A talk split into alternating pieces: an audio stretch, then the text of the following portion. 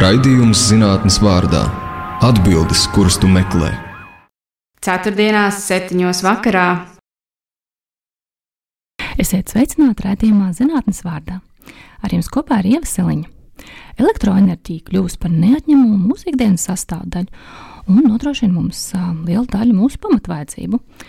Tomēr katrs no mums ir pamanījis cenu palielinājumu elektroenerģijas tirgu.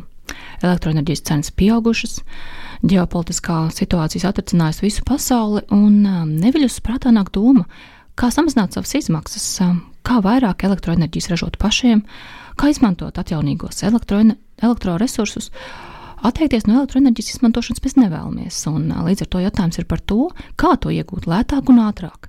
Varbūt nākotnē ir vēl kādi īpaši risinājumi, gan mums katram atsevišķi, gan arī sabiedrībai kopumā. Meklēsim šodien atbildes uz šiem jautājumiem. Runāsim ar energoefektivitātes ekspertu, doktora grādu pretendentu Rīgas Tehniskajā universitātē Andriju Tukuli. Andrijs ir Latvijas pārstāvis elektroenerģijas nozares savienības Euroelektrika nozares asociācijas energoefektivitātes un elektrifikācijas darba grupā. Ikdienā Andrijs vada projektus un konsultē privātu personas un uzņēmējus par energoefektivitātes paaugstināšanas pasākumiem un atjaunīgās enerģijas izmantošanas iespējām attīsta interaktīvus risinājumus, kas ikvienam sniedz iespēju novērtēt savu energoefektivitātes līmeni un atrast veidus, kā to iespējams uzlabot. Toties savā disertācijā Andrijs pēta energoefektivitātes politikas instrumentus.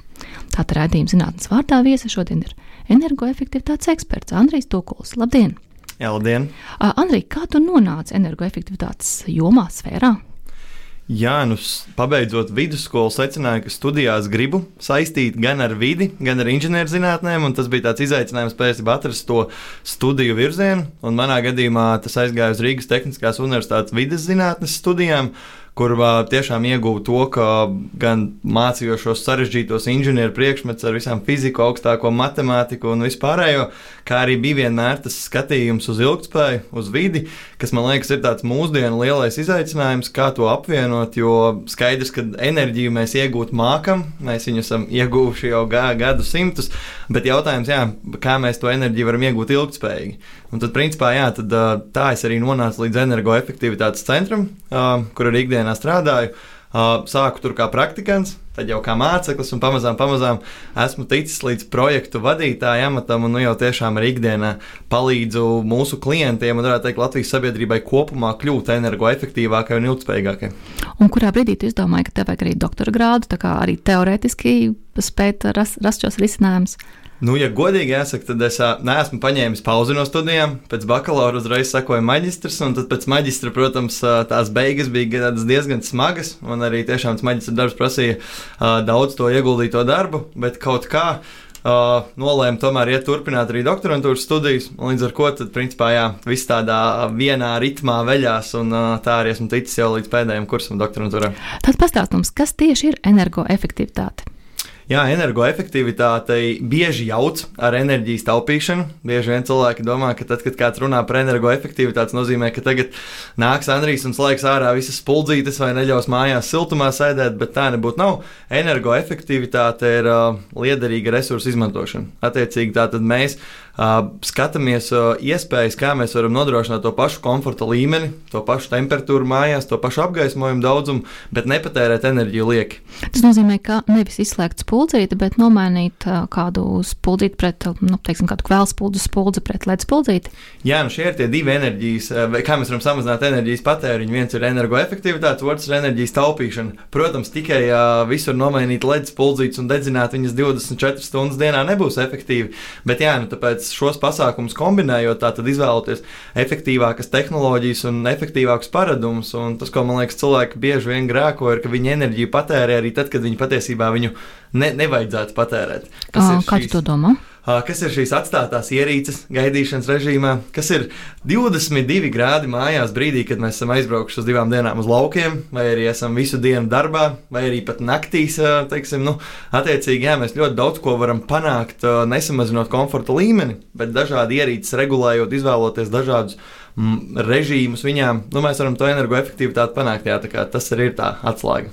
Vai mēs varam vispār runāt par enerģiju, neskarot energoefektivitāti? O, Mūsdienās noteikti nē. Un šeit, man liekas, arī gribās piezīmēt tādu daudz runājumu par zaļiem energoresursiem, par to, kā mēs varam enerģiju saražot zaļi. Bet, nu, jebkurā gadījumā, ja skatāmies to dzīves ciklu produktu, tad, jebkurā gadījumā, dabai visdraudzīgākā kilovatstunda būs tā, ko mēs neesam patērējuši vispār. Un to man liekas, ir svarīgi saprast. Un, protams, var teikt, ka šobrīd mēs daudz enerģiju iegūstam zaļu, un Latvija vispār ir gana zaļa valsts enerģijas jomā. Tomēr, jebkurā gadījumā, katra tā kilovatstunda, ko mēs samazinām, mazina arī to ietekmi uz vidi. Kā noteikti, noteikti energoefektivitāte iet kopā. Pat ja es lietotu saules paneli, lai atstātu savu lādētāju vadu iesprāstu kontaktā, arī tad nu, būtu jāņem vērā. Uh, no tiem telefonu lādētājiem vispār ir ļoti interesanti, ka, teiksim, protams, arī cilvēki bieži vien jautā, nu, kāpēc tie lādētāji jārauj ārā, jo tas cik gadus visi zina, ka viņi ir slikti vai viņi tērē. Nu, tad jāsaka, ka tiešām šie telefonu lādētāji, viņiem tas patēriņš ir tik niecīgs, ka tur gadā salasās vien daži centi. Tāpēc telefonu lādētājus varam neraut.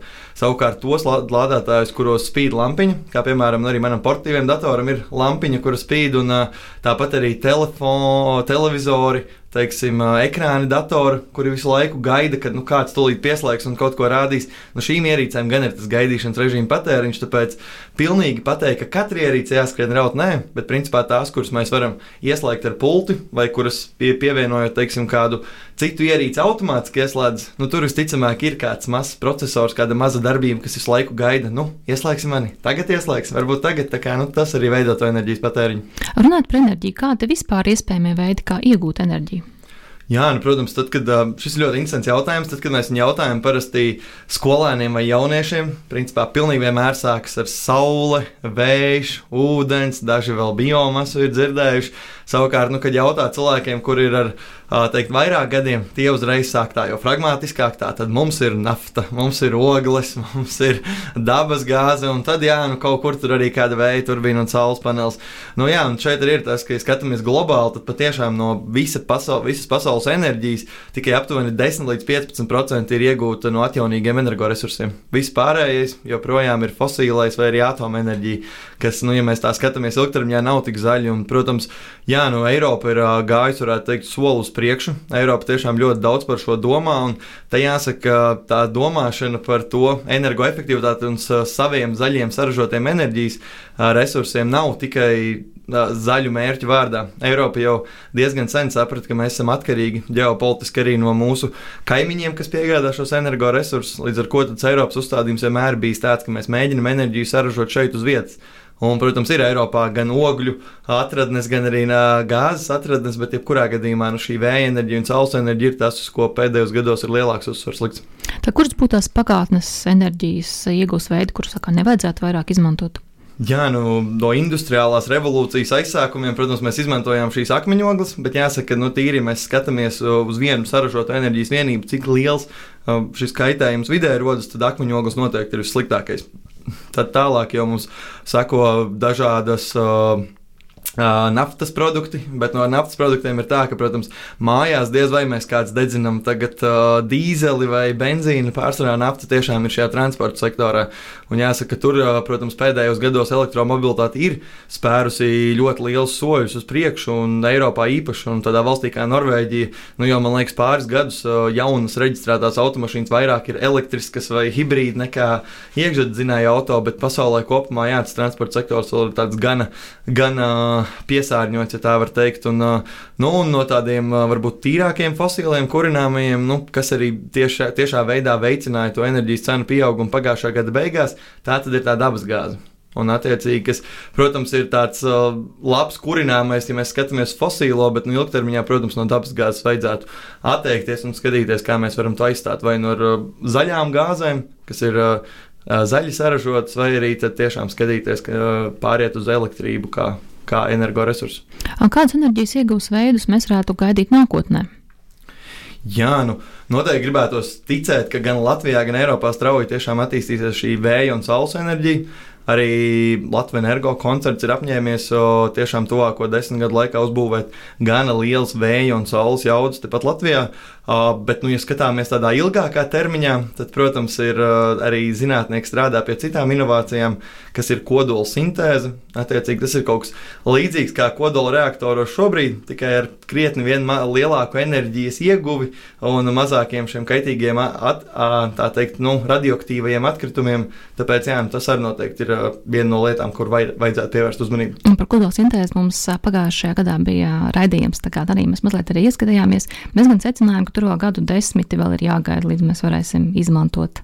Nu, par kodola sintēzi, jā, esmu jau kaut kādus vairākus gadus pētījis, un turpat uh, zinātnieki aprindās klejotas joks, kad mūžīgie 30 gadi, ka vienmēr, un pēc 30 gadiem būs, un tā runāja pirms gadiem 15, tā runāja pirms gadiem 5, un tā arī runā šobrīd, un jāsaka, jā, un izaicinājumi tur ir tiešām gana lieli. Tāpēc, jā, nu, ja skatāmies tieši uz šīm klimata pārmaiņām un klimata krīzi, ko nu jau var teikt, kas ir šobrīd, tad, protams, ir vairāk jāskatās uz tiem uh, atjaunīgās enerģijas vai nu, zaļās enerģijas ražošanas veidiem, ko mēs zinām. Kā, kā ar HES?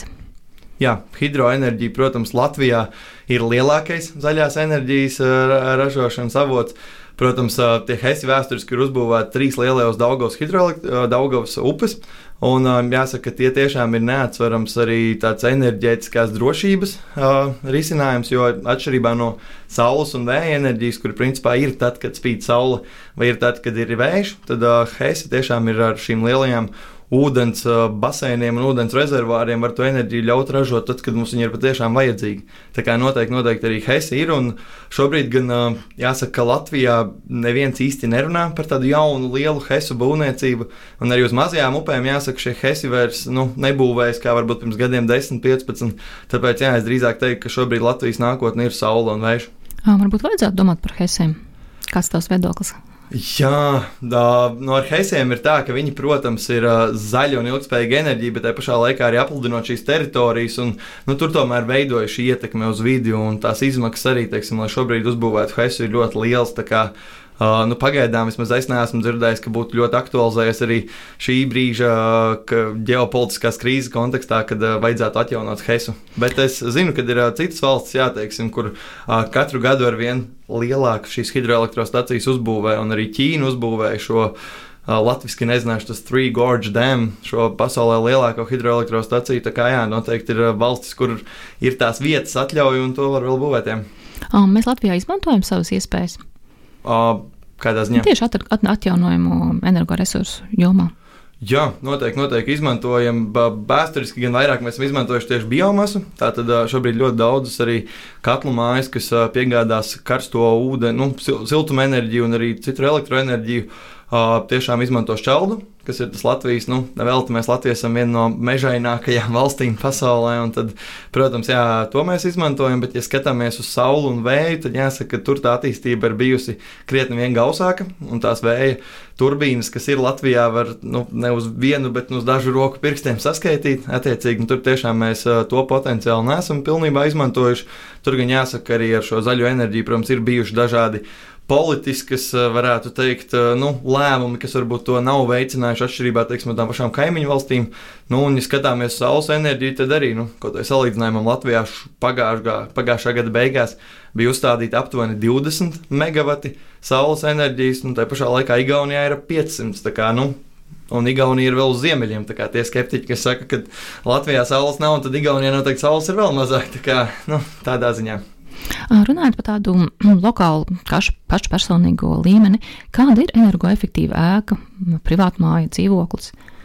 Nu šobrīd jāsaka, ja kāds ir arī pandēmijas laikā ļoti daudz izvēlējās pārvākties uz privātmājām, uzbūvēt savu privātmāju laukos, un tad nu, tie, kas uh, tika līdz uh, projektēšanas stadijai, tie noteikti saprata, ka šobrīd principā, mēs varam uzbūvēt tikai gandrīz nulles enerģijas ēku normatīvais regulējums jau ir ļoti, ļoti tā teikt, uz energoefektivitāti vērsts. Un, lai mēs vispār saņemtu atļauju būvēt ēku, viņai jau ir jābūt pietiekoši energoefektīvai. Uh, tur ir uh, pat noteikumos iekļauts, ka ir jābūt ventilācijai ar rekuperāciju, Uh, ir, ja ir iespējams izmantot, tad jāizmanto kāda atjaunīgās enerģijas tehnoloģija. Tā kā es gribētu teikt, ka šobrīd jā, jau tādu ļoti neefektīvu ēku mēs vairs nevaram uzbūvēt. Protams, uh, ja skatāmies, cik daudz cilvēku Latvijā dzīvo pēdējā desmitgadē celtās ēkās, nu, tas procents nav liels. Tāpēc noteikti ir ļoti svarīgi domāt, ko mēs darām arī ar šo dzīvojamo fondu, kas ir gan no padomu laikiem saglabājies, gan arī vēl pirms tam, kad no energoefektivitāte noteikti nebija pirmajā vietā. Un ko darīt, ja dzīvoja kādā vecākā mājā? Jā, nu tad, protams, ir jāizvērtē. Es teiktu, ka noteikti katra no šīm ēkām var uzlabot energoefektivitāti, viņi var atjaunot.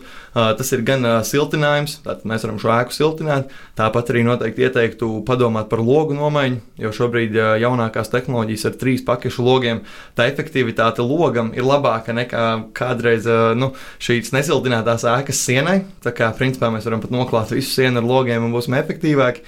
Bet, nu, protams, jā, nu, šīs tehnoloģijas, ko mēs varam ieviest, uh, jebkurā gadījumā šo ēku, kas ir uh, vēsturiski būvēta ar domu, ka viņi nebūs energoefektīvi, tik efektīvi kā jaunbūvi, kas jau ir projektēta, kur visi augstuma tilti ir norobežoti. Un, nu, viņi kaut vai tīri tas pats uh, novietojums par debesu pusēm jau ir efektīvāks un visi noēnojumi. Tā kā nu, uh, uzlabot var, bet, protams, ir ilgtermiņā jāskatās. Nu, kā mēs varam panākt, ka tas dzīvojamais fonds ir gan efektīvs. Un cik ļoti šis gan energoefektivitātes lietas, gan enerģijas iegūst dažādus veidus ietekmē politiķu vai sabiedrību? Es teiktu, ka politika ļoti var ietekmēt. Tas arī ir tas, ko es savā uh, doktorantūras studijās pētu. Tātad tiešām, ka arī uh, noteikti būsiet dzirdējuši to, ka pirms gadiem bija uzņēmumiem, kuriem ir liels enerģijas patēriņš, jāveic obligātais energo audits un jāievieš kaut kādi energoefektivitātes pasākumi. Un jāsaka, sākumā bija uzņēmumi, kas šo bija palaiduši garām, nezinu, netīšām vai apzināti un nebija izdarījuši. Un tad, attiecīgi, viņiem draudēja soda sankcijas par to. Tad, tad kopumā tas tā nostāja uzņēmumu vidū bija ļoti, ļoti pret to, kāpēc mums kaut ko liek darīt, kāpēc tas ir jādara. Lai gan patiesībā jau tas mērķis, veicot šo energo auditu, bija, ka atnāk speciālists no malas un tiešām paskatās, kur uzņēmums visvieglāk var ietaupīt tos energoresursus. Un tad arī savā doktora studiju pētījumā veicu aptauju ar uzņēmumiem, kas jau ir veikuši, un kas kā, nu, var paskatīties tādā vērā perspektīvā atpakaļ, nu, ko tad deva šie pasākumi. Un jāsaka, tiem, kas tiešām ieviesa un uzlaboja to energoefektivitāti, tiem tā attieksme ir kļuvusi daudz, daudz pozitīvāka. Tā kā nu, šeit ir ar to, ka, ja mums kaut ko liek darīt, mums tā instinktīvi gribās teikt, nē, kāpēc man kaut ko liek, bet patiesībā jā, šī energoefektivitāte tas ir tāda win-win situācija. Tā kā noteikti, noteikti tā attieksme mainās arī no uzņēmumiem. Ko Eiropas Savienība dara, lai mūs motivētu pievērsties atjaunojumiem energoresursiem? Jā, no Eiropas Savienība varētu teikt, ir apņēmusies ļoti ambiciozu mērķi līdz 2050. gadam kļūt par pirmo klimata neitrālo nu, kontinentu vai pasaules daļu. Un, protams, lai šo mērķi sasniegtu, ir jāiet soli pa solim.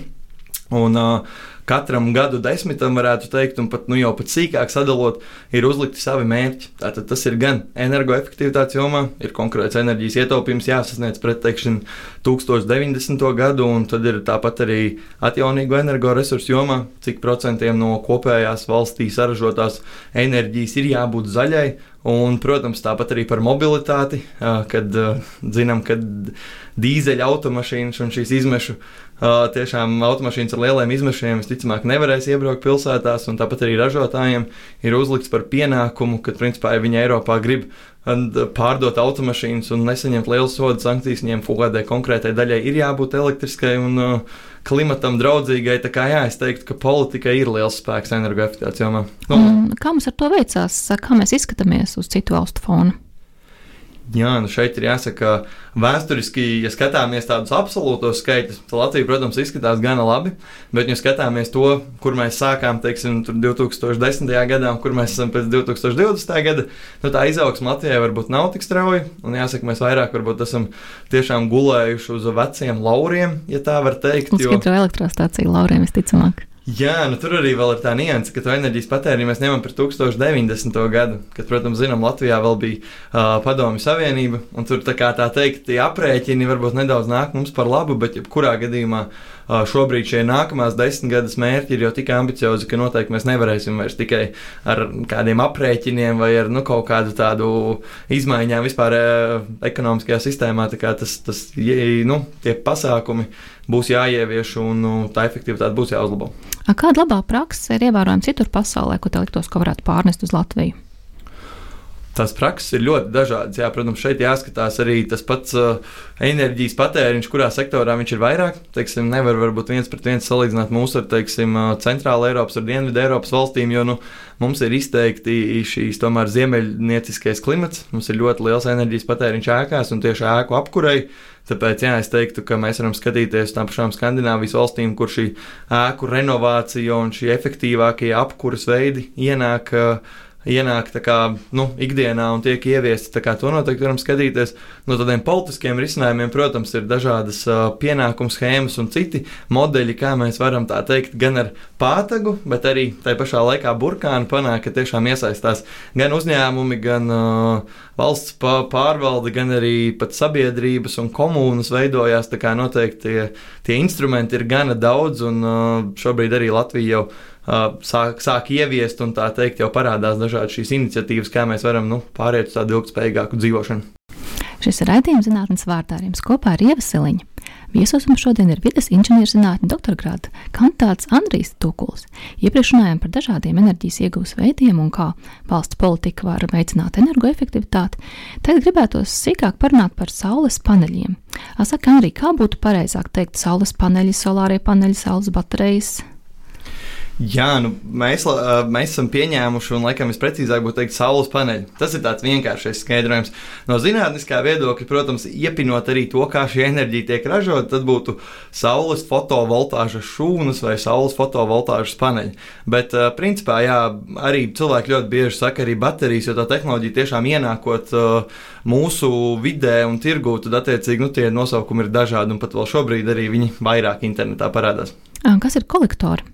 Jā, nu šeit tiešām tā galvenā atšķirība starp šīm tehnoloģijām ir, ka saules paneļi vai baterijas, vai nu kā kurš viņu sauc, tās ražo elektroenerģiju, tātad pārvērš saules enerģiju elektroenerģijā. Savukārt saules kolektori ir tā tehnoloģija, kas saules enerģiju pārvērš siltumenerģijā. Un, ja kādreiz bija tā, ka tiešām šī saules paneļi bija neefektīvi un bija pārāk dārgi, un nu, lielākoties tiešām cilvēki uzstādīja kolektorus karstajam ūdenim, teiksim, vasaras laikā, un arī teiksim, nedaudz, lai palīdzētu apkurses sistēmai pavasaros un rudenos. Tad šobrīd jāsaka, ka tā saules paneļu cena ir tik ļoti nokritusies un sasniegusi tādu tik konkurētspējīgu līmeni, ka nu, šobrīd vairāk jūtam, ka cilvēki tiešām izvēlās uzstādīt šos saules paneļus, kas ražo elektroenerģiju kā arī nu, to enerģiju var pēc tam arī nodot tīklā un izmantot paši. Tā kā, nu, tur tās iespējas krietni plašākas. Jā, nozīmē, ka ir divi veidi paneļi. Būs tas parastais saules panelis priekš elektroenerģijas, un tālāk ir panelis, kas būs kolektors siltumam. Jā, un uh, ir jau, protams, zinātnieki strādā, un viņi arī redzot to, ka te varbūt tā lielākā atšķirība ir tāda, ka saules panelis, kas ražo elektroenerģiju, uh, viņam uzsilstot efektivitāte samazinās. Savukārt kolektoriem ir vajadzīgs siltums. Un tad, protams, ir arī jau vairākas tehnoloģijas, kuras ir apvienotas kopā, viens uzlikts uz otru. Tātad mēs primāri iegūstam elektroenerģiju, bet, nu, protams, iegūstot elektroenerģiju, veidojas arī siltums, un to siltumu mēs novadam un uzsildam arī ūdeni. Protams, šeit jāsaka, jā, ka nu, tai sistēmai uzreiz ir daudz vairāk komponentes, un tur arī ir iejaukts siltumnesējs.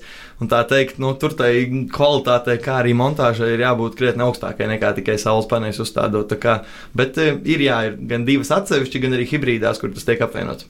Kā tieši darbojas saules paneļi? Jā, nu, saules paneļa darbības princips ir, varētu teikt, diezgan vienkāršs. Attiecīgi, mēs izmantojam divas uh, silīcija pusvadītāju uh, plāksnes, starp kurām mēs novietojam uh, uh, izolātoru. Un, attiecīgi, tā doma ir tāda, ka saules enerģija iedarbojoties uz vienu šo pusvadītāju, atbrīvojas brīvi elektroni kurus mēs pa vadiem, nu, pa tādām tā strīpiņām var redzēt uz uh, saules uh, paneļiem, novadam un aizvedam uz otru pusi, kur atkal šiem elektronam ir brīva vieta. Un kā mēs atceramies no skolas fizikas, tad šī elektrona kustība, ja mēs pa vidu ieliekam spuldzīti vai nu šajā gadījumā jebkādu patērētāju, mēs to elektroenerģiju, elektroenerģiju vienkārši varam savākt un iegūt un izmantot mūsu vajadzībām. Un, protams, šīs šūnas ir uh, pašas par sevi, viņas nav lielas. Viņas ir teiksim, aptuveni 10 x 10 vai 15 x 15 cm. Tāpēc arī ir saules panelim, ja mēs tā ieskatāmies, ir daudz šādas šūnas liktas vienā panelī. Uh, lai mēs iegūtu tiešām šo spriegumu lielāku, un tad uh, liekot uz jumta, protams, mēs arī kombinējam vairākus šos paneļus. Parasti nav, nu, ja paskatīsieties, tad uz, um, nebūs uz jumtiem viens panelis, teiksim, kaut kur parasti viņi būs vismaz 4 līdz pat kaut kādi 30 maisaimniecībām. Un kā var zināt, cik daudz paneļus vajag? Nu, primāri tas būtu jāskatās no tā, cik daudz elektroenerģijas jūs patērējat Ideālā gadījumā ir, ja jūs šos paneļus liekat uz ēkas, kurā jūs jau dzīvojat, kur jau ir tas jūsu dzīves ritms, kur jūs zinat, cik jūs tērēsiet vasaras mēnešos, cik jūs tērēsiet ziemas mēnešos. Tad, protams, ja jums ir uzstādīts viedais skaitītājs, un lielākajai daļai maisaimniecība arī ir, mēs varam paņemt jau precīzi stundas datus un ielikt, teiksim, modelī, kur mēs redzam arī tos paneļa ražošanas datus. Un tad mēs varam skaidri redzēt, cik daudz enerģijas mēs varēsim patērēt uzreiz un cik daudz enerģijas nāksies atdot tīklā. Bet šeit arī jāsaka, ka Latvijā ir tāda sistēma kā neto norēķins vai neto uzskaitas sistēma, kura ļauj to enerģiju, ko mēs vasarā saražojam, vairāk nekā spējam patērēt, ļauj nodot tīklā, un attiecīgi vakaros vai pat ziemas mēnešos, ja tik daudz enerģija ir uzkrāta, mēs viņu varam patērēt un uh, par to nemaksāt, nemaksāt par elektroenerģiju, bet samaksāt tikai par to pārvadi, nu, sadalījuma pārvades komponenti. Tas arī ir tāds liels iespēja tiešām visa gada garumā, ja mēs šo sistēmu izbūvējam precīzi un pareizi, principā sanāk, ka mums elektroenerģija no tīkla nav jāpērk. Nu, mūsu klausītāji pamanījuši, ka rudens ziemas sezonā Latvijā nav daudz saules un nu, naktī nespīd saule vispār. Kas tajā brīdī notiek ar saules paneli? Vai nav tā, ka pietrūks kādā brīdī būs pa īsu? Jā, nu šeit jāsaka, ka uh, nesen biju arī izstādē un redzēju, ka uh, parādās ražotāji, kas sola, ka arī no mēnesis, mēnesis enerģija, arī ka šie paneļi ir tik efektīvi, ka viņi ražos arī no mēnesis enerģijas. Uh, nu šeit uzreiz saka, ka tās noteikti ir aplamības, tā noteikti nav.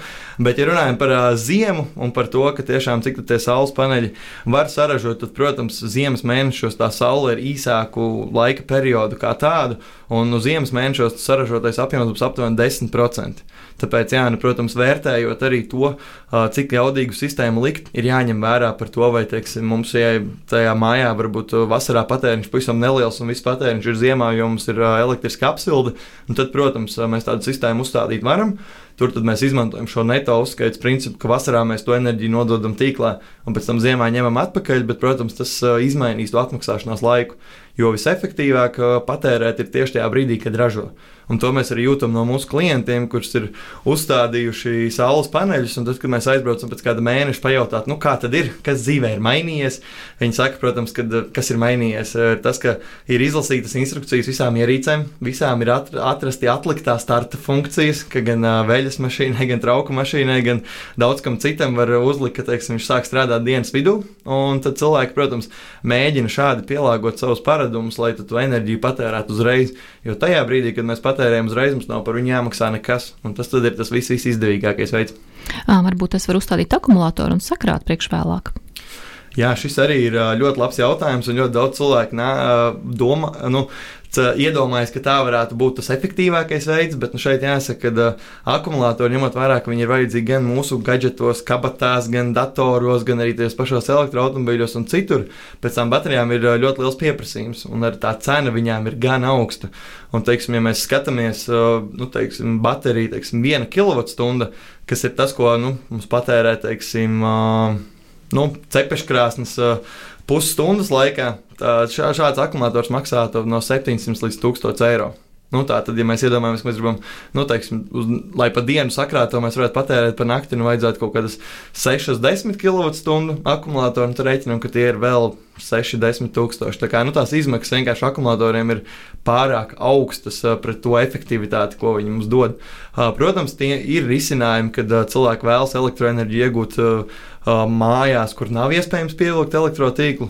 Tad, nu, tād, šādā gadījumā, protams, tas ir lētāk nekā varbūt vilkt uh, elektrisko kabeli pāris kilometrus pāri mežu, pāri pļauju. Nu, tad, tad šādu risinājumu var izmantot. No nu, tāda nauda jūs varētu vēl arī paneļus papildus nopirkt, vai ne? Pa kādu summu, kādu summu būtu jārēķinās, ja gribētu uzlikt kādu saules paneli? Jā, nu, saules paneļiem ir tā, ka, kā jau teicu, tad, tā, tas, cik daudz paneļu ir jāliek, tas ir atkarīgs no tā, cik liels ir šis elektroenerģijas patēriņš. Mājsaimniecības parasti var uzstādīt no teiksim, 1 kW līdz 11 kW. Tas ir tas, kas ir, ko mājsaimniecības var uzstādīt bez sarežģīta saskaņošanas procesa un bez kļūšanas par elektroenerģijas ražoš, ražotāju. Tad, attiecīgi, jā, un, nu, tās summas varētu būt no kaut kādi 3000 līdz, es teiktu, 15000. Hmm. Vai Latvijai ir kādas vietas, kas ir piemērotākas paneļu uzstādīšanai? Jā, esam skatījušies karti, un patiešām valsts vidas meteoroloģijas centrs arī apkopo tās saulainākās Latvijas vietas. Un šeit jāsaka, lai gan kartē izskatās, ka ļoti daudz vairāk saules ir tieši piekrastē, kas ir Liepājas Vēnspils puse un arī Vidzemes piekrastē, bet, nu, ja paskatāmies tos ciparos, tad tās atšķirības ir pavisam nu, nelielas. Tas, cik tās kilovatstundas gadā mēs varam saražot, katrā vietā tur tā atšķirība ir neliela. Un var teikt, ka saules enerģija tiešām ir pieejama visā Latvijā. Tas, ko ir būtiski ņemt vērā, tiešām ir skatīties, kā mēs šo saules paneļus uzstādām teiksim, vai šis jumta slīpums ir atbilstošs, vai virziens ir uz dienvidiem, vai mums nav kādi koki, kaimiņu mājas, antenas vai kas cits, kas varētu šos paneļus noēnot. Un tad tas, ko darām mēs, teiksim, piedāvājot mūsu risinājumu, mēs veicam tādu detalizētu modelēšanu. Principā katram klientam viņa māju vai viņa zemes gabalu, kur viņš šos paneļus vēlas uzstādīt, mēs izveidojam datoru simulāciju, nu, kur tad principā diezgan precīzi ļauj nosimulēt to, kā visa gada garumā, kur tā saule pie debesīm mums būs un cik tajā brīdī panelis ražos. Un tad, principā, tikai šādā veidā arī var pateikt, vai nu, tas kaimiņš kaimiņa ozols eh, nenoēnos paneļus un neietekmēs mūsu ražošanu. Vai ir vērts uzstādīt panelī vasarnīcā vai, piemēram, dzīvoklī? Jā, arī ļoti labs jautājums, ko parasti saņemam. Nu, šobrīd ir tā, ka likumdošana atļauj to elektroenerģiju, ko mēs saražojam, objektā patērēt tajā pat objektā. Attiecīgi, ja mēs elektroenerģiju saražojam, pieslēdzam pie skaitītāja vasarnīcā, mēs viņu arī varēsim patērēt turpat vasarnīcā. Savukārt, nu, citās valstīs, arī piemēram Lietuvā, ir tā, ka to, ko mēs saražojam vienā objektā, mēs varam patērēt, teiksim, ja mums pieder gan vasarnīca, gan teiksim, dzīvoklis Rīgā, mēs varam patērēt abos objektos. Un uh, zinu, ka šobrīd arī ekonomikas ministrija izvērtē iespējas teiksim, atļaut šādu attālinātu netēšanu tieši tā iemesla dēļ, ka Latvijā ļoti daudz cilvēku dzīvo dzīvokļos, un nu, šobrīd sanāk, viņi ir nedaudz apdalīti, ja tā var teikt, un viņiem nav iespēja izmantot šo saules enerģiju. Tas nozīmē, ka, piemēram, es vasarnīcā ražotu enerģiju, laistu atpakaļ tīklā un tajā pašā laikā kādā citā Rīgas, Rīgas vietā dzīvoklī patērētu enerģiju un par to nemaksātu. Jā, tie formāti, kā to panākt, ir dažādi. Tas var būt gan, teiksim, netēšana naudas ziņā, nu, kad to enerģiju, ko jūs saražojat vairāk, jūs varat pārdot tīklā un attiecīgi par to pašu naudu pirkt elektroenerģiju citā objektā, vai arī nu, patiešām ņemt, ka viena kilovatstundu saražotā tur, jūs viņu varat patērēt arī citā objektā. Tā kā, nu, tas ir atkarīgs no tā, kura valsts pieņem to lēmumu. Teiksim, nu, tas arī ir tādā savā veidā atbalsts zaļai enerģijai. Vai ir kādi mobili paneļi, piemēram, ko es varētu paņemt līdzi pārgājienā un tur izmantot elektrību? Jā, nu, protams, ka ir šādi risinājumi, un arī pats esmu izmantojis šādu, tā teikt, powerbank vai nu, šo mobīlu akumulātoru tieši telefonu lādēšanai, braucot teiksim, tajā pašā laika braucienā. Un, uh, Tur gan ir jāsaprot, ka tas saules paneļa šūnas, viņām tā efektivitāte ir diezgan līdzīga. Un, teiksim, ja mēs iedomājamies, ka tas būs kaut kāds uh, Pa, nu, šīs pārvietojamas akumulators, nu, kurš ietilpst mums savā, nu, vai teiksim, rokā, nu, visticamāk, ka viņš nesaražos tik daudz enerģijas, un vairāk tā enerģija būs tā, nu, varbūt daži procenti telefona uzlādē. Bet tas, ko var darīt, patiešām ir daudz tādu saliekami risinājumi, kas tā kā grāmatas atverās, un tur jau tas saules paneļa virsmas laukums ir lielāks, un tad, protams, nu, mēs viņu izklājam pret sauli, un tad brīdī jau tā elektroenerģijas apjoms ir pietiekams ne tikai vienam telefonam, bet arī varbūt pat datoram, planšetēm un kam citam. Un cik lielu tā teikt, šo te laukumu vajadzētu, lai es uzlādētu datoru? Uh, tas ir jāskatās no šīs paneļa, kā jau minēju, efektivitātes. Uh, nu, es teiktu, ka ar šādu grāmatas tipu, kas ir, nu, varbūt atlokot vaļā, kāds varētu būt A3, ar to varētu pietikt. Jo, nu, šeit, protams, jāsaprot, ko mēs saprotam ar uzlādi, vai tā ir tā kā pilna jauda, kāda būtu, ja mēs lādētu no elektrotīkla, jo, teiksim, arī pat portatīviem datoriem ir ātrās uzlādes, kur ir 90 vati, un tad 90 vati tas jau būtu, nu, teju ceturdaļu, nu, trešdaļu kvadrātmetrs ar paneļiem vajadzīgs, vai pat lielāks. Tā kā, nu, jau standartā šie paneļi, ko liek uz ēku jumtiem, ir aptuveni pusotra kvadrātmetra izmērā, tātad metrs uh, platumā un pusotrs metrs garumā, un tā viņu jauda ir aptuveni no 300 līdz 350 vatiem. Nu, tas, ko viens panelis saražo. Kas notiek ar šādu paneli, ja radās enerģijas pārāvums? Tas cilvēks mierīgi sēž un darbojas enerģijas tīklā, vai tomēr kaut kas notiek? Nu, standartā šīs sistēmas ir būvētas tā, ka tajā brīdī, kad pazūd tīklā spriegums vai nu pazūd elektrība, tad arī saules paneļi atslēdzas. Tas ir veidots gan no tīri no tehniskās uh, specifikācijas, jo arī šim pašam invertoram tātad nu, saules paneļi paši par sevi, to elektroenerģiju, ko saražo, tā nav tāda pati, ko mēs varam patērēt mūsu mājās.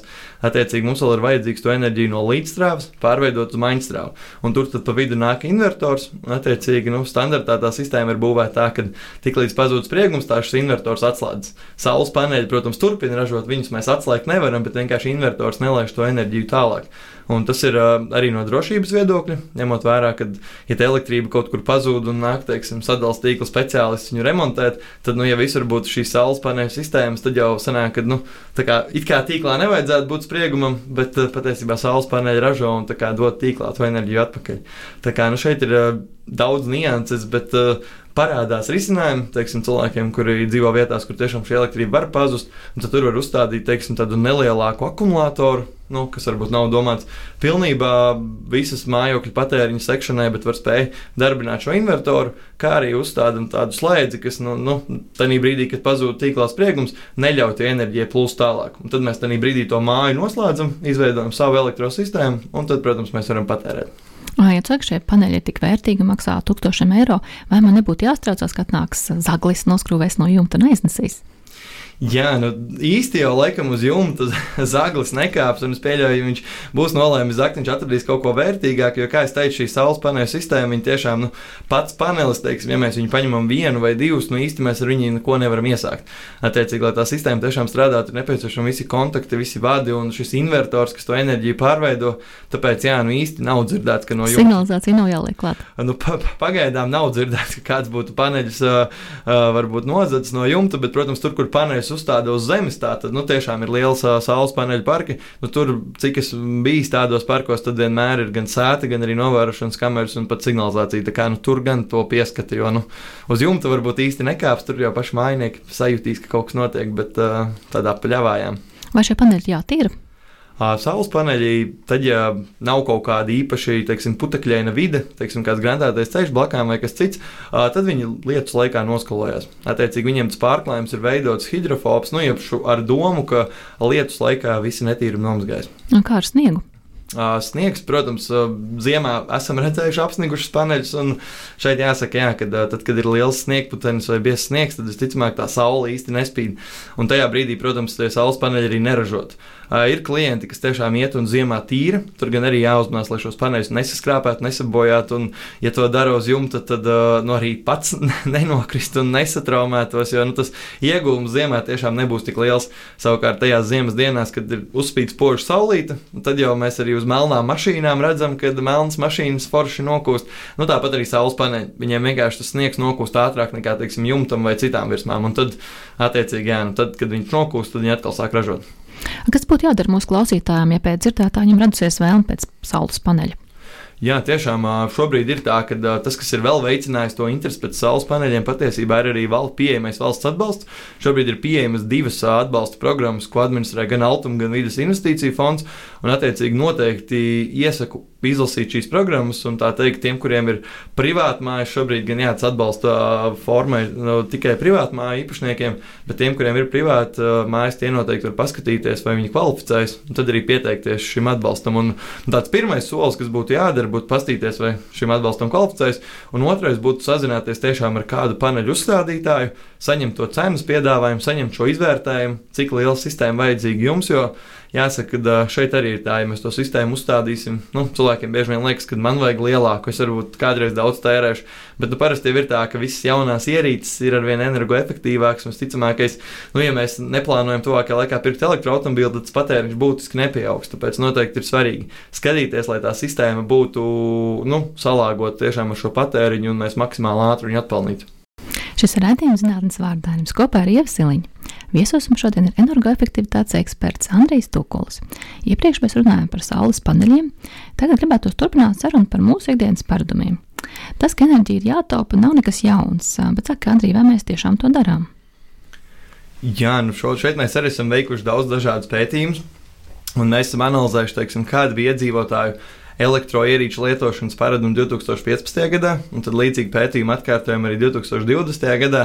Un jāsaka, ka tie secinājumi bija, ka uh, iedzīvotāji ir palikuši zinošāki, kā taupīt enerģiju, ne, ne, un uh, ne tikai nu, kā taupīt, bet arī kā to, efekti, nu, kā to darīt energoefektīvi, tātad nesamazinot komforta līmeni. Tāpat redzam, ka ja kādreiz uh, ledus pulds bija vien katrā trešajā mājoklī, tad 2020. gadā jau 75% mājsaimniecība bija ledus pulds, principā kā galvenais spuldžu veids. Kā, nu, ir daudz arī dažādas lietas, ko cilvēki ņem vērā, un jāsaka arī Mēs no savas puses, no elektruma puses, esam daudz ieguldījuši arī kampaņās, kur mēs tiešām stāstām, kā to enerģiju var tērēt efektīvi un, teiksim, kāpēc veļai ir jāmazgā 30 grādos, varbūt nevis 60 grādos. Un kāpēc? Tāpēc, ka veļas mašīnai patiesībā lielākais enerģijas patēriņš tieši ūdens uzsildīšanā. Tātad veļas mašīna no ūdens tīkla ņem pilnībā augstu ūdeni, un viņa viņu silda. Un uh, sildīšana vispār kā tāds ir tāds ļoti energoietilpīgs process. Tāpēc parasti arī, kad skatāmies Mājsaimniecībā vienmēr liekas, ka nu, patērē tie lādētāji vai tās spuldzītes vai tas, bet nu, visbiežāk tie lielākie patērētāji tiešām ir vai nu ūdens sildītājs, nu, kas ir boilers, vai arī, teiksim, kāds elektriskais cits sildītājs, ko mēs varbūt ieslēdzam rudenos un pavasaros, kad ir vēsta, kā, nu, šeit vienmēr ir jāskatās un jāsaprot tiešām, kas, ka, kā, kā, kāda ir tā katras ierīces specifika un kas to patēriņu veido, un bieži vien ir tā, ka lielāko patēriņu veido tās lietas, ko mēs neredzam, vai pat īsti nevaram sajust. Tāpēc šeit arī ļoti svarīgi tiešām izskaidrot un nu, saprast tās iekārtas darbības specifiku. Un kāda paradumus būtu jāievieš, ja mēs vēlamies samazināt rēķinu par elektroenerģiju? Jā, nu, pirmā lieta, man liekas, ko arī ir teicis, ja nekļūdos Lords Kelvins, ir, tu vari uzlabot tikai to, ko tu vari izmērīt. Un tāpēc noteikti katram ieteiktu paskatīties, kāds ir viņa elektroenerģijas patēriņš. Un, kā jau minēju, lielākajai daļai tiešām ir šie viedie skaitītāji, un mēs varam ieiet pilnīgi bez maksas pie sava elektroenerģijas tirgotāja vai arī sadalījuma tīkla mājaslapā un paskatīties kāds tas mūsu elektroenerģijas patēriņš, teiksim, tiem, kuriem ir viedais, mēs jau viņu redzam pa stundām, un paskatīties, teiksim, kāpēc, kurās dienās ir visaugstākais patēriņš, kurās stundās ir visaugstākais, kāds ir patēriņš naktas stundās, kad, kā jau minēju, nu, cilvēks uh, guļ, cilvēki mājās guļ un enerģiju nepatērē. Un tad ir jautājums, nu, cik patērē leduskapis, cik patērē ūdens sildītājs, cik patērē šie visi ierīces gaidīšanas režīmā. Un tad, principā, mēs arī varam mēģināt, teiksim, nu, kāds būs ietaupījums, ja mēs izslēgsim to pašu datoru ekrānu, teiksim, monitors. Kāds būs ietaupījums, ja mēs izslēgsim rūteri vai varbūt dekoderi vai kaut ko citu, nu, kas tajā brīdī nav nepieciešams. Un tādā šādā veidā eksperimentējot, patiešām ļoti daudz cilvēku arī vēršās, ka viņi ir iegājuši azartā Viņi tiešām jau mēģina saprast un sekot līdzi, kāpēc tas patēriņš ir tik augsts un salīdzina pat nedēļu, nedēļu pret nedēļu, un teiksim, pat šo mēnesi pret pagājušā gada teiksim, februāri. Nu, tādā veidā, tiešām, kad mēs redzam to ietaupījumu uzreiz, nevis tikai mēneša beigās rēķinā, kur ir ļoti daudz nes neskaidru cipari, tad arī tas, tas, tas ietaupījumu azarts ir krietni lielāks. Ja cilvēkam nav viedā skaitītāja, ko darīt tad? Ja nav viedā skaitītāja, tad tas, ko var izdarīt, ir, ir iespējams iegādāties veikalos tādas uh, viedās rozetes vai teiksim, enerģijas uh, mērītājus, enerģijas skaitītājus. Uh, protams, viedās rozetēm tā cena varētu būt kaut kādi 20, 30 eiro, bet, ja mēs skatāmies šo enerģijas skaitītāju, tad tur tā cena būtu 5 līdz 10 eiro. Un tas, ko mēs varam izdarīt, mēs viņu vienkārši uh, iesprāžam uh, tīklā, rozetē, un caur viņu iesprāžam to vēlamo elektroierīci. Nu, un, ja tas ir teiksim, leduskapis, mēs atstājam uz kādu nedēļu, paskatāmies, cik ir šis patēriņš, un tad zinām, ka gadā ir 56 nedēļas, attiecīgi sareizinām, un tad mēs redzam, cik ir tas enerģijas patēriņš gadā, nu, vai piemēram mēnesī. Un tad, ja mēs domājam, vai mums ir jēga šo ierīci mainīt vai nav, tad uh, jaunām ierīcēm, protams, ir energoefektivitātes marķējumi, kur mēs jau varam redzēt, nu, cik šīs ierīces aptuveni gadā tērēs. Ko nozīmē šī A līdz G skala?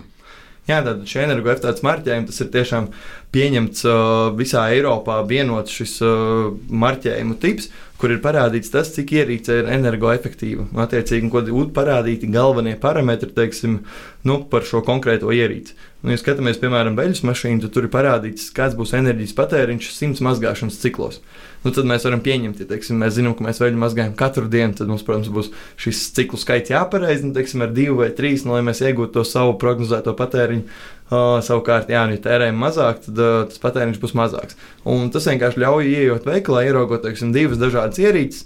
Teiksim, viņām cenas starpība ir varbūt 20 eiro, bet mēs redzam, ka viena varbūt ir klase B, savukārt cita ir klase varbūt G. Un tad ir pilnīgi skaidrs, ka tā ierīce, ko mēs izvēlamies, varbūt sākotnēji drusku dārgāk, ka viņa vienkārši mums atmaksāsies un tā teikt, nu, ilgtermiņā būs izdevīgāk. Nu, cik liela šķirība klasa starp A un A, piemēram, vai ir vērts? Jā, nu šobrīd jāsaka, tā, ka mums prātā visiem ir palicis tas ārā plus, plus, plus un vēl mīnus 40. Un, jāsaka, šie visi plusi pat mulsināja cilvēkus un īstenībā nebija skaidrs, kura tad ierīce ir labāka. Tāpēc jā, nu no pagājušā gada Eiropas Savienība arī pamazām ievies jaunos energomarķējumus, kur vairs nav ārā plusiem, kur visas, kuras bija ārā trīs plusiem, tagad ir kļuvušas par C un D grupas. Uh, klases ierīcēm. Tā doma tiešām bija tāda, ka atstāt vienmēr to rezervi, lai ražotājiem arī būtu interese tiekties uz jaunākām un efektīvākām ierīcēm. Tā teikt, lai tas A vienmēr būtu te nesasniedzams vai ļoti grūti sasniedzams. Un tā atšķirība ir dažāda. Katrai ierīču grupai tas atšķirās, bet nu, vidēji tas varētu būt jāpat kaut kādas uh, 10, 20 kWh gadā. Bet uh, tikpat svarīgi ir skatīties arī teiksim, par to pašu veidu mašīnu. Runājot, tur ir parādīts, cik daudz ūdens šī veids mašīna patērē, cik viņa būs skaļa, cik efektīva teiksim, būs centrifūga un daudz citas lietas, nu, teiksim, nu, ko šajā marķējumā var tā uzskatām un ērti ieraudzīt. Um, vai tas nozīmē, ka būtu jāpērk jauna sadzīves tehnika vai nevienmēr? Jā, nu šis ir ļoti diskutabls temats, un uh, tie cilvēki, kas ļoti domā par uh, dažādu lietu pārstrādi un atkārtot izmantošanu, tie vienmēr iestājas pret šo iekārtu nomaiņu. Uh, arī jāsaka, ka uh, nu, vēsturiski bija tā, ka tās ierīces vienmēr saka, kādreiz ražoja tā, ka tiešām vēl mazbērniem varēja atstāt šo ierīci, tagad tās veiklā nopērkamās viņas jau pēc pieci gadi vairs nav lietojamas. Nu, jāsaka, jā, ka arī šo Eiropu ir pamanījusi un ievērojusi. Un tas, kas uh, parādās šajās jaunajās ierīcēs, ir tas, ka jānodrošina pašam ražotājam ir iekārtas remonts. Uh, attiecīgi, un ir jā, jānodrošina detaļas, uh, ka viņas būs pieejamas vismaz piecus gadus, un dažām iekārtām arī vairāk, un ka būs jābūt iespējai, kur cilvēks var vērsties un šo iekārtu salabot. Un tad šādā gadījumā, jā, protams, ja mums nobe, nu, teiksim, uh, sabojājas kāds viens elements uh, no visas elektroierīces, lai mums nebūtu viņi jāmet ārā un jāpērk jaunu, jo īsti jau tādu servisu nav, tad uh, nu, varētu teikt, ka šobrīd tiešām iet uz to, ka tās iekārtas būs labojamas, viņas būs arī uzlabojamas. Tad, ja teiksim, parādīsies kāds tehnisks uzlabojums, tad uh, nu, mēs varēsim arī to iestrādāt mūsu esošajā ierīcē un tādā veidā tiešām panākt to, ka nav nemitīgi jāpērk jaunas. Un cik svarīgi nomainīt spuldītes?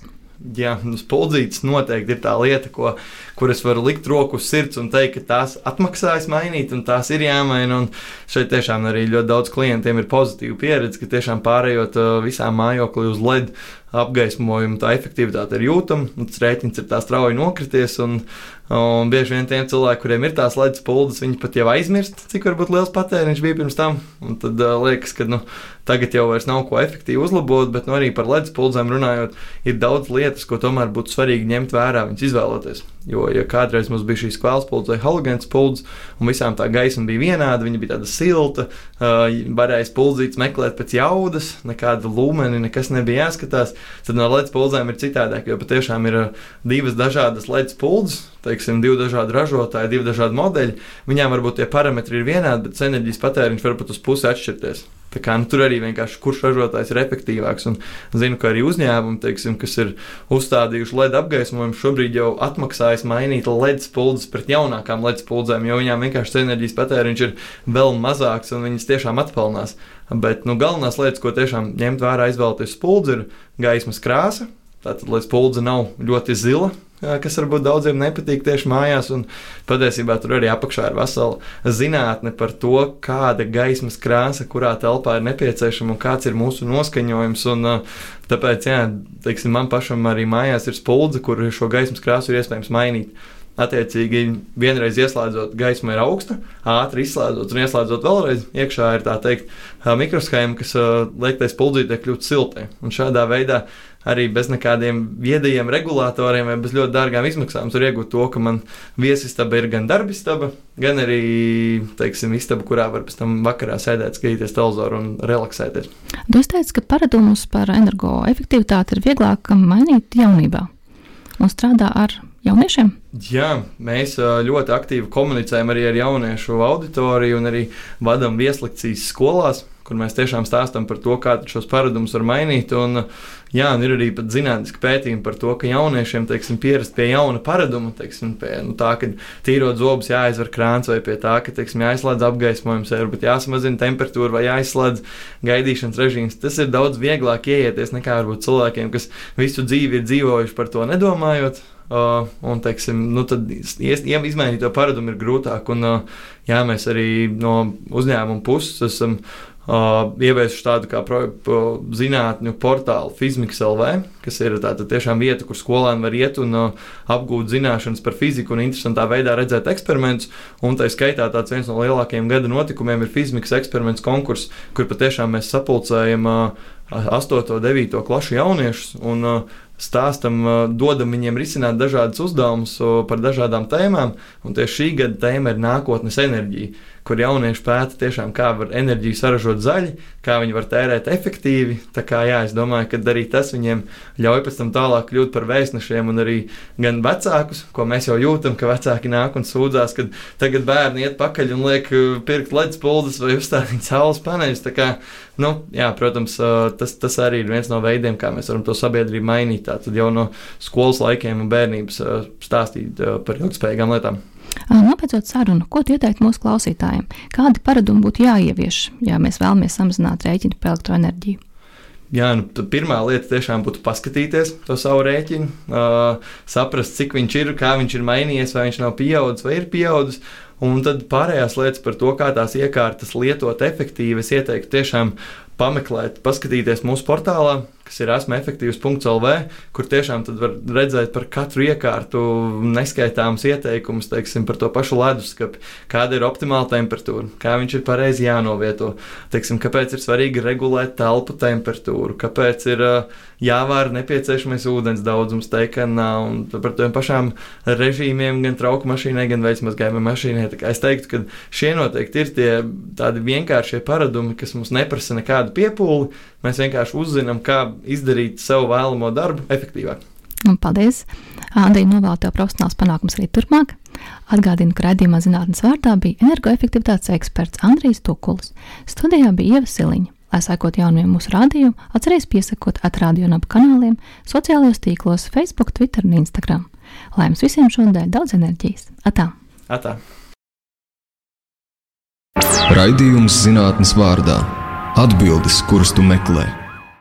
Ceturtdienās, septiņos vakarā